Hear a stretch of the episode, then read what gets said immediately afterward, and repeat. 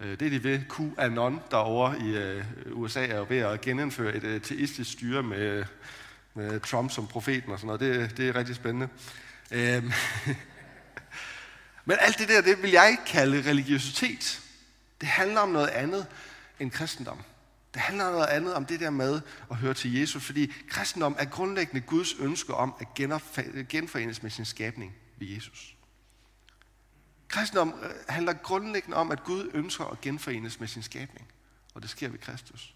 Amen. Det er det, det handler om. Det handler ikke om at gøre det rigtige. Det handler ikke om at sige det rigtige, eller have det rigtige kristne ledere.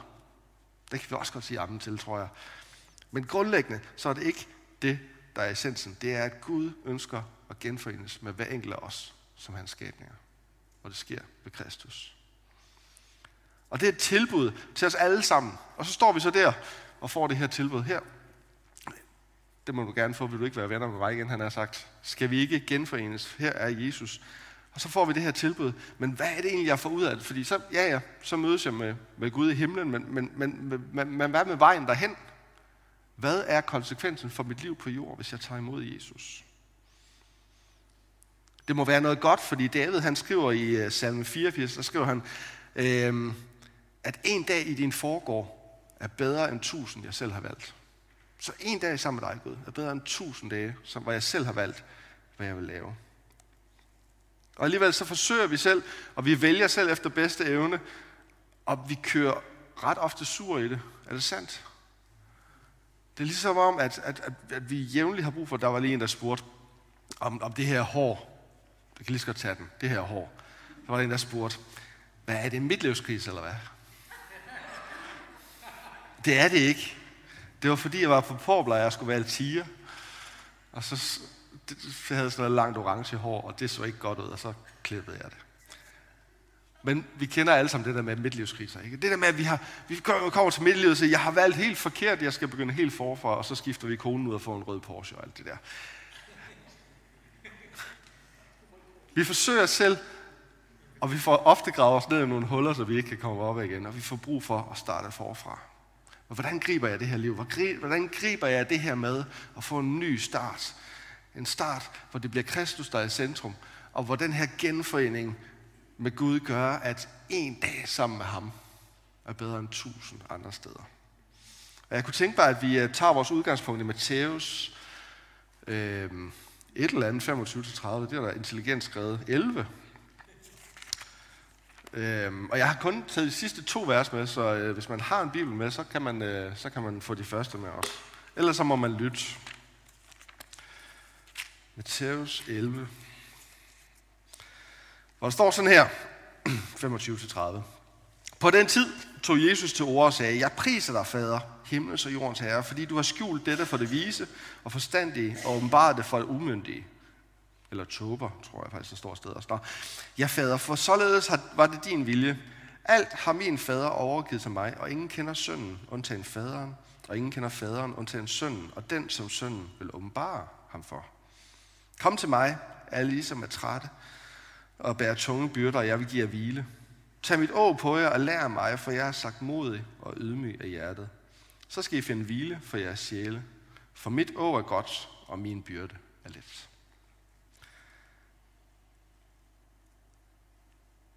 Kom til mig. Det er der, vi skal starte. Jeg var rent faktisk her på Porplejen, der havde jeg fornøjelsen af at være ham fine fyr, der sad i, øh, i tungebordet her, Theodor. Han, øh, han havde en andagt, hvor han rent faktisk også havde det her, kom til mig med. Det kom til mig blev det vigtigste åndelige gennembrud eller sammenbrud for mig, da jeg var yngre. Jeg mødte en fyr, der hed Magnus Malm, som øhm, han pinsemand. Han havde arbejdet i, i pinseregi med at lave kristen radio og været i mission, og han havde lavet alt muligt, og han havde oplevet det her spektakulære burnout, altså sammenbrud, hvor han bare ikke kunne tjeneste mere og blev nødt til at kaste alt i ringen og sige, jeg giver op, det er for hårdt, og trække sig fra det hele. Og konsekvensen af det var, at Gud ledte ham ind i en proces, hvor han startede det, vi kalder retrætebevægelsen. Altså det her, hvor vi trækker os tilbage og fokuserer på det, som er væsentligt, nemlig Jesus. I stedet for alt det, vi gør, i stedet for at være en Martha, så at være en Maria. Og det han siger, det er, at vi har ikke noget eksempel på, at Jesus siger andet end kom til mig, som hilsen til mennesket. Kom til mig.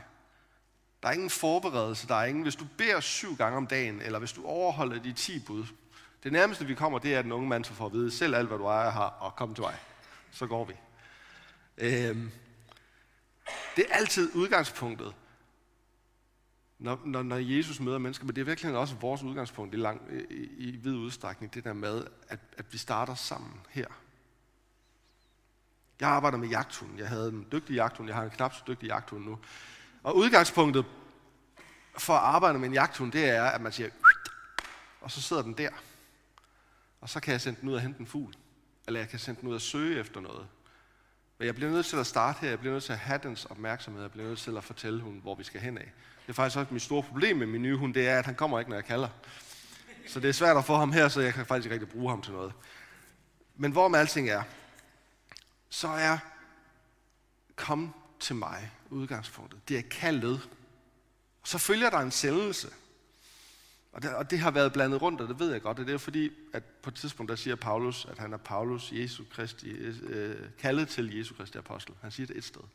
Men alle andre steder, hvor vi læser om kaldet, der er det, kom til mig.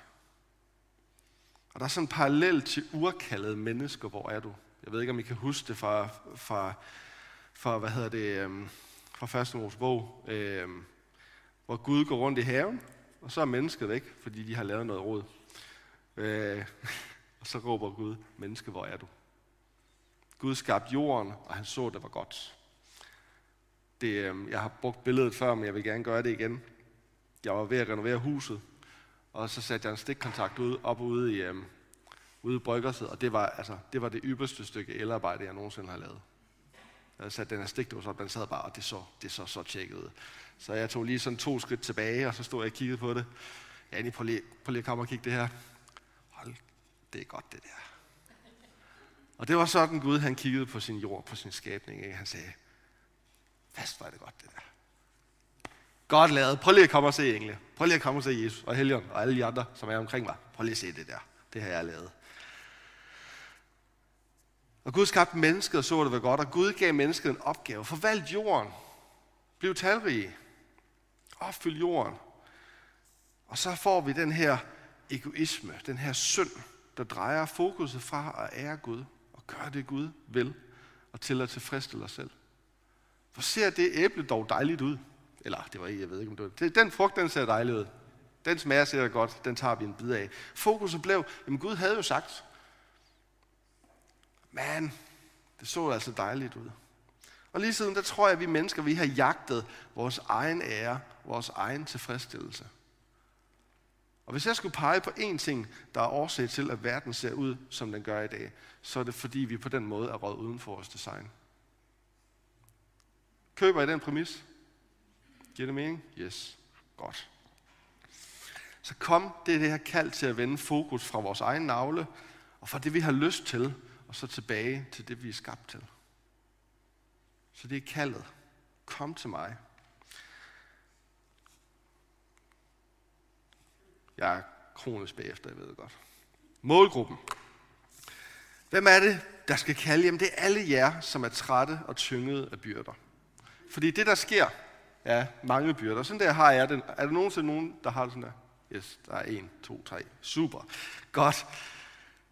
Fordi den her stræben, den her egoisme, den her syndens ødelæggelse af vores grundlæggende design, gør jo, at vi, at vi bare bliver ved med at stræbe. Vi bliver ved med at jagte noget, som vi bare ikke kan nå. Vi jagter det perfekte liv. Der er et ordsprog, der hedder, naboens græs er altid grønnere. Og så forsøger vi at få en græsplæne, der er endnu pænere. Vi jagter øh, den perfekte karriere. Vi køber store biler bygger store huse. Bare fordi, at det er fedt at have. Det er fedt at køre Altså, jeg har en stor bil, det indrømmer jeg gerne. Jeg synes, den er fed at køre i. Men et eller andet sted, så kunne jeg godt tænke mig, den der lige var nummeret nyere. Ikke? Og vi bliver ved med at stræbe efter noget, der på en eller anden måde skal skabe en eller anden form for lykke, lykke for os. Eller arbejdet. Jeg er en af dem, som sådan helt ærligt kan sige, at mit arbejde gik så hårdt ud over min familie, at jeg var tæt ved misten. Og jeg, bliver ikke den, var, jeg var ikke blevet den første, hvis det var gået sådan. Fordi vi stræber efter mere, efter karriere, efter penge, efter... Og, og, og det bliver bare ødelæggende og udslidende. Og det værste af det hele, det er jo også, at, at, at det begynder at blive sådan vores ret. Vi får rundsave på albuerne, fordi at vi skal nå frem til noget, der er endnu bedre. Så er det okay, at der er nogen, der har mindre. At der er nogen, der ikke har så Jeg kommer til at træde lidt på dem, eller sådan, du ved. Lige skubbe dem lidt til side. Hey, jeg vandt det her over en anden, eller jeg fik den der bonus i stedet for ham der. Eller, ja, vi jagter det, og, og det kommer lidt til at blive kynisk, fordi fokuset er mig. Den her konstante stræben efter, hvad jeg skal opnå. Og på et eller andet tidspunkt, så tror jeg, at vi alle sammen, når vi når midtlivskrisen eller på andet tidspunkt, øh, indser vores egen uperfekte og ødelæggende natur. På et eller andet tidspunkt, så tror jeg, vi alle sammen stopper op og kigger på vores liv og tænker, det er ikke fordi, det bygger op det her. Og det er det øjeblik, at vi hører kaldet, kom til mig. Jeg synes, det er super spændende at læse evangelierne og se, hvem det var, Jesus han gik iblandt. Det var tollere, det var prostituerede, det var fiskere, og det var alle de andre fuldstændig nede på jorden. Noget ikke perfekte mennesker. Er det sandt? Det er ikke mange religiøse ledere eller politiske ledere, Jesus han sådan dyrkede omgang med, hvis vi skal tro Bibelens tekster. Faktisk så, øh, så var det ligesom, om han nærmest flygtede fra de områder. Han var, vi læser aldrig om, på det tidspunkt var Tiberias jo så den politiske hovedstad, mens Jesus han gik i Israel. Og vi læser ikke en eneste gang i, i Bibelen om Tiberias. At Jesus, så gik Jesus til, til, til, til, til Tiberius og talte med stadholderen. Det læser vi jo aldrig. Vi læser aldrig, hvordan, og udover da han var dreng og sad og talte med de her skriftkloge, ikke? men ellers så, så, så, så dyrker han jo ikke omgang med den religiøse elite i Jerusalem. Det bruger han ikke, fordi, tror jeg, at det er et must for relationen med Jesus at forstå, at vi ikke er perfekte. Men mindre vi hænger derop, så er der ingen grund til at lytte til at komme til mig. Vi har ikke noget følt behov for det, hvis vi selv stadig synes, at vi har styr på det. Det er lidt ligesom min fantastiske datter Josefine, som er gået ud til børnekirke, som, øh, som er i, jeg, vil binde, jeg skal lære at binde skoalderen. Er der nogen, der har børn, der har været i den alder? Yes. Og så skal man ud af døren hurtigt om morgenen. Hun skal i børnehave, og du ved, jeg skal møde om kvarter, jeg skal nå at købe morgenmad til hele biksen og sådan noget, ikke? Og så tænker Josefine, det her det er et oplagt tidspunkt at lære at binde sko på. Skal jeg ikke lige gøre det for dig, Josefine? Nej, jeg kan selv. Jamen, det, det kan du jo ikke, Josefine. Og vi skal, jeg vil selv. Okay, men så må jeg jo så lade hende prøve selv. Og, og, og konsekvensen er jo selvfølgelig, du ved, tre UB'er bliver knuder, der går op, og så på et tidspunkt, så må hun indse, at hun kan ikke selv. Og nå dertil, hvor hun siger, far, vil du ikke binde dem for mig? Jo, det vil jeg gerne, og så kan vi komme videre, ikke? Og sådan tror jeg lidt, Jesus har det med os. At indimellem, så har han jo sagt, prøv lige, kom nu til mig. Skal vi, skal vi ikke vandre den her vej sammen? Eller hvad? Skal vi ikke leve det her liv sammen? Og jeg siger, jeg kan selv. Og så må han jo vente. Og jeg tror, han har det som mig, der står over i hjørnet og brygger sig og kigger og tænker, ja, yeah. han indser det jo nok på et tidspunkt. Så målgruppen er dem, som har indset, at de hænger deroppe, kan ikke selv. Og så er der et løfte forbundet med det her. Og jeg vil give jer hvile. Mm. Så I kan finde ro i sjælen. Og det ord for hvile, der er brugt. skal vi lige have det eneste græske ord, vi får i dag. Nej, det ene af de to græske ord, vi får i dag. Det er anapao. Og ana betyder tilbage, og pau betyder stoppe. Så det betyder i virkeligheden tilbagestoppe, hvis man sådan skulle virkelig lave en uiversk oversættelse. Det betyder, at man genoplader. at man spoler båndet. Kan I huske båndene, hvor man sad og spolede tilbage med en blyant eller i maskinen eller sådan noget? Det er det, det betyder. Det betyder at genoplade batterierne. At man stopper det, man er i gang med, og så går man tilbage. At man får energien tilbage igen. Og det refererer ret specifikt til, at man har udført et stykke arbejde, og så er det overstået, og så hviler man. Det er i virkeligheden det, ordet betyder. Så man tilbagestopper, man genoplader batterierne. Øhm, og jeg ved ikke, om I kender det, for det, det er jo en ret fantastisk følelse, det der med, når man har været ude og arbejde i haven. Jeg, jeg kan godt lide at være i haven. Min have, den ligner en... Jeg tror, at Tommy var på besøg hjemme hos mig en gang, tidligere præst her i kirken, og han kiggede ud og sagde, det er sådan en dejlig naturgrund. det er sådan cirka sådan, min have ser ud. Men, men det er sådan en have, der, der bedst øh, beskæres med en motorsav, ikke? Øh, og den, den, den er sådan lidt, der er noget til insekterne også, og til fuglene og alt det der. Så når man er ude, du ved, så sveder man, og man bløder lidt, når man kommer ind igen og har rifter rundt omkring og sådan noget, fordi der er folk en masse brumbær. Det, det, er bare, det er en meget fysisk oplevelse. Når man så har fået lavet noget, og så står og kigger på det og tænker, åh, oh, det er godt. Og så sætter sig ned i en stol, det gør jeg gerne. Så tager jeg min klapstol, sætter den ud, og så sidder jeg bare og kigger på det, jeg lige har lavet ude i haven, ikke? Og så kommer konen med en drink eller en cola eller eller Det er, bare, det er helt fantastisk. Den der oplevelse af, oh, når man lavede noget, man sidder og kigger på det og tænker, dejligt. Det er den der hvile. Eller hvis man har ligget og banket, nej, det er, en, det er en dårlig reference, for der er ikke ret mange, der sejler. Videre. Og hvad er det så, vi får hvile til? Det er psyke, der bliver brugt. Øhm, det græske ord psyke. Og psyke er i virkeligheden øh, ånd. Det er det, det, det græske ord, der bliver brugt om, at Gud blæste sin livsånd. Øh, psyke bliver ofte oversat med sjæl også, men i virkeligheden så refererer det til alt det liv, der er i mennesket. Øhm, og jeg ved ikke, om I har tænkt på det, men mennesket er sådan et relativt komplekst apparat. Der er mange dele, der influerer hinanden. Og selvom, ja, da, da jeg tog på sommerferie, der, der, der, der tænkte jeg, oh, det bliver godt at komme på sommerferie, og sådan lige få tanket op og få noget inspiration igen og sådan noget. Du ved, jeg, jeg var sådan træt i, jeg ved ikke, jeg var vel sådan lidt træt i tankerne og sådan tænkte, uh, det, det bliver godt lige at få ro på deroppe. Og så kom jeg hjem på ferie, og så var jeg jo bare træt i kroppen. Så der er mange steder, man kan være træt i, øh, og har brug for hvile, men, men, men freden her, øh, den her genopladning af batterierne, det er til hele mennesket. Sinden har jo sådan en evne til at gøre kroppen syg, og kroppens sygdom kan gøre sindet sygt. Altså, det, det, det, er, så, det er så komplekst.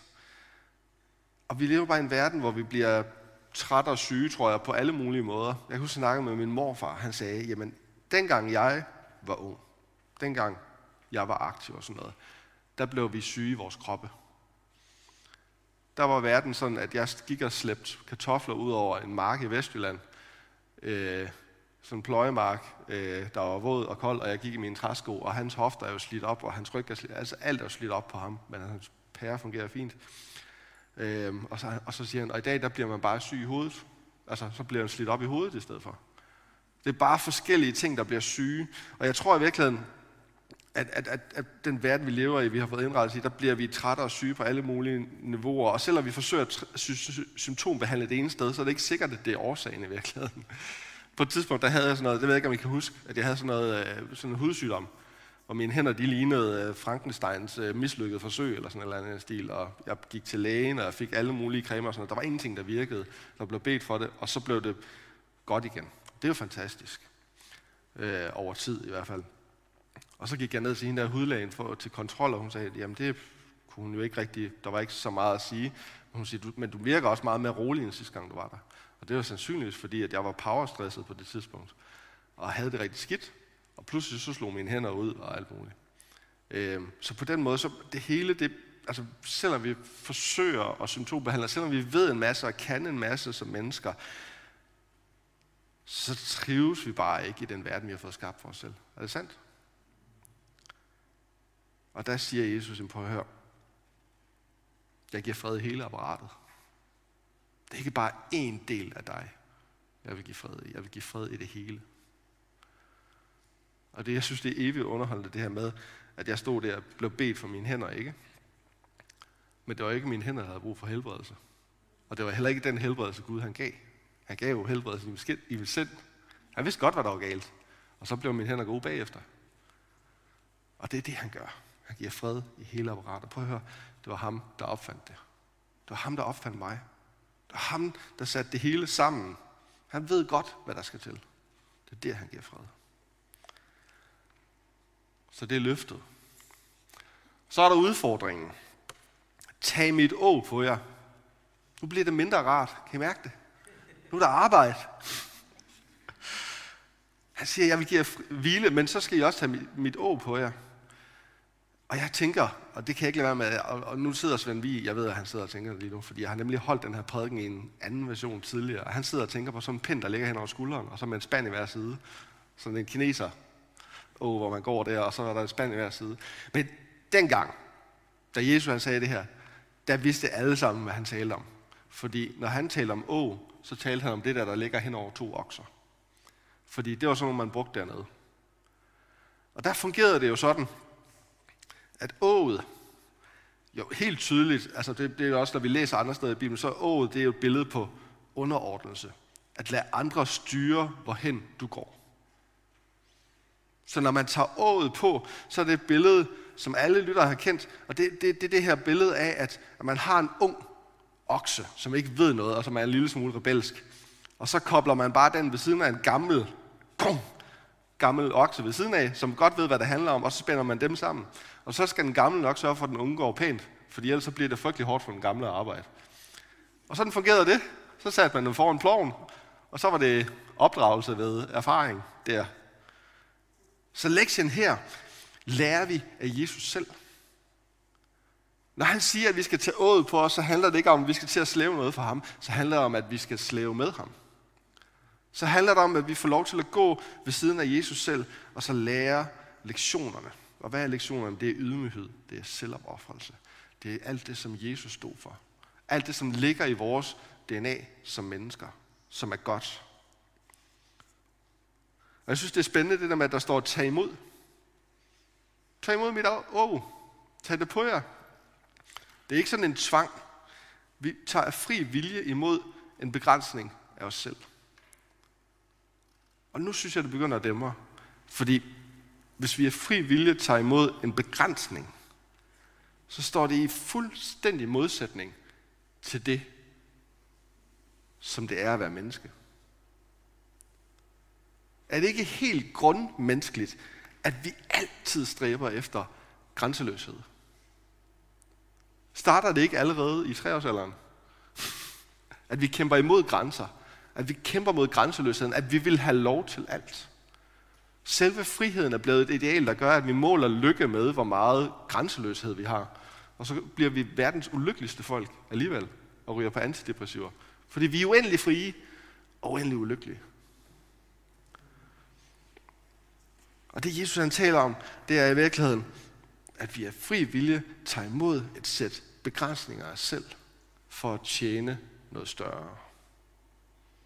Og der er sådan en helt skjult synes jeg, slet skjult reference til ægteskabet. Det er der jo altid, når det handler om Jesus' relation til os. Der er sådan en relation til ægteskabet. Det her med, at når, når, når vi binder mennesker sammen i ægteskabet, så siger vi, at du elsker ære hende og leve med hende i mod, medgang og modgang. I hvad lykke Gud, den almægtige, vil tilskikke jer, som en ægte mand bør leve med sin ægte hustru, indtil døden jeg skiller ad. Vi får virkelig sat nogle hegn her, ikke? Vil du elske? Yes. Og ære? Yes i medgang og modgang, okay, uanset hvad der i øvrigt sker i jeres liv, ja okay, som man bør leve, ja indtil døden skiller jer altså så er der virkelig lukket bås, ikke? Og det siger man frivilligt ja til. Jeg ved godt, at hvis man har nem idé, så kan man hurtigt komme ud af det i dag. Men, men altså, hvis vi ligesom lader det stå for troende, så er det en ret alvorlig indskrækkelse af min frihed, at jeg har valgt at gifte mig med min kone. Og samtidig, når jeg kigger på mit liv, så vil jeg sige, at det er et af de bedste beslutninger, jeg har truffet. Det er en af de ting, der bidrager allermest positivt til mit liv og min lykke, det er mit ægteskab. Det er der, hvor jeg sagde, jeg afgiver noget af min personlige frihed her. Jeg stiller mig i et afhængighedsforhold og en relation til et andet menneske på den her måde. Og det er det samme, Jesus han taler om her. At i det øjeblik, vi stiller os ind under ham, Og ind under hans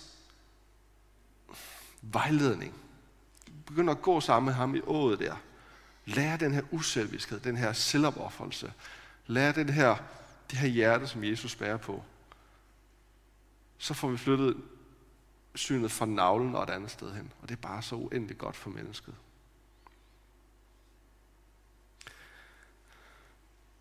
Så det her Bibelens budskab og den her invitation, som Jesus han, han, han giver os, den modsiger vores, vores egen selvrealiseringstrang. Den her, den her trang, vi har til at realisere eller frigøre os selv. Og det siger i virkeligheden, at det er enormt udfordrende, og det håber jeg, I kan tage som udfordring, at hvis vi skal opnå fred og lykke, så må vi opgive og jagte lykke. Vi må stå af ræset. Fordi vejen til hvile og genopladning, det er at søge tilbage til det, vi var skabt til. Til det, som vi grundlæggende var designet til. Og det er, at vi må bede om hjælp. Sige, Jesus, jeg kan ikke tage min egen sko på. Eller, det her liv skal være dit liv. Og så må vi give os selv 100%. Ligesom vi vil give os i det perfekte ægteskab. Og sige, Jesus, jeg binder mig til dig. Jeg tager den her ring på min finger som symbol på, at fra nu af, og indtil jeg lægger mig i graven, så er min opgave at ære dig, og elske dig, og løfte dig op, og sørge for, at din vilje sker. Og frugten af den her relation, det er en ydmyghed, det er en selvopoffrelse, men der er en gave bundet på, der er, at vi hviler. At vi lykkes.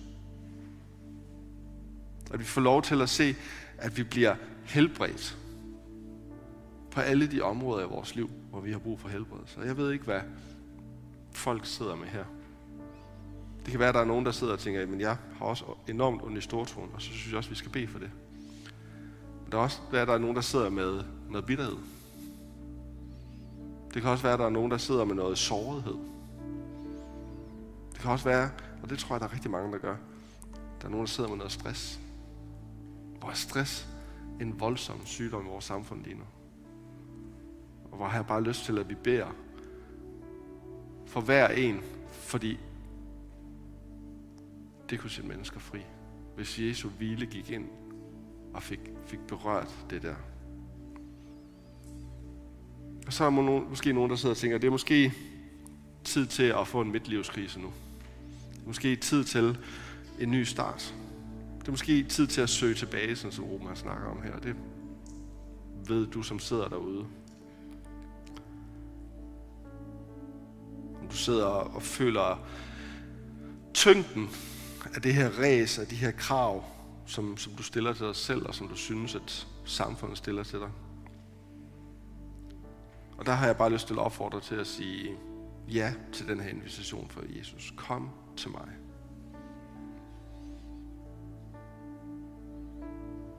Og på den anden side, så kan det være, at du sidder og tænker, det er jo ikke mig overhovedet. Fordi det har jeg helt styr på. Det kan også godt være, at du har det. Men prøv lige at tjekke. Prøv lige at kigge bagud, og så se, er det ydmyghed og selvopoffrelse, der er kølvand på dit liv. Fordi ellers så er du sandsynligvis ved at grave et hul. Det synes jeg faktisk er værd at være opmærksom på. At vi i vores velmenighed og egen styrke kan synes, at det kører super godt. Men i virkeligheden så er vi på vej et sted hen, der ikke er konstruktivt at være. Jeg håber, der er noget, der taler til nogen af jer. Jeg har bare lyst til lige at, at bede en bøn her til slut. Vi skal ikke kalde op til forbøn, det må vi ikke, der er corona. Men jeg har bare lyst til at bede, og du ved, hvad du kæmper med. Jeg har lyst til at bede om, at Jesus må kalde på dem af jer, der har brug for at høre det her kald igen. Til at få en lille midtlivskrise, til at starte en ny start. Så har jeg også bare lyst til lige at bede for dem, der sidder og tænker, jeg har noget stress, jeg har noget angst, jeg har noget depression, som jeg har brug for bliver rørt. Hvis du sidder med det sidste, vil du så ikke bare lige lægge din hånd på brystet, bare lige sige, den tager jeg lige imod den her, så har jeg bare lyst til at bede for det, fordi det, det blev lige stærkt for mig her til sidst. Ja, jeg beder. Jesus, jeg takker dig, fordi at vi har dit kald ind over vores liv. Om at komme til dig, og ikke andet end bare at komme til dig. Jeg takker dig, fordi vi har den her invitation til at vandre sammen med dig. Og jeg beder dig om, at, øh, at dem, der har brug for at høre den her invitation igen, og genfinde den her invitation, at du må røre ved deres hjerter lige nu, hvor de sidder. Beder dig om, at du må lade din ånd, som helt sikkert ligger i hver enkelt, som har taget imod dig, at du må lade den røre sig lige nu. Fordi der er ingen som din ånd, der lige kan gøre opmærksom på, hey, der er noget her, vi lige skal have kigget på. Så Jesus, lige nu, vil du bare lige prikke til, til de hjerter, der skal prikkes til. Og så har jeg bare lyst til at bede for dem, som, som kæmper med, med stress, med angst, med depression, med de her sindslidelser, som er så sindssygt svære at, at have med at gøre, og som kan jo slå ud på så mange måder. Jesus, jeg beder dig om, at du må se til dem, der sidder med det lige nu, Jesus. Og så i dit navn, så har jeg bare lyst til at proklamere din fred. Jeg har bare lyst til at nedbede din helbredelse. Jesus, send din helbredelse ind over dem, der sidder med de her lidelser. Din fred, Jesus.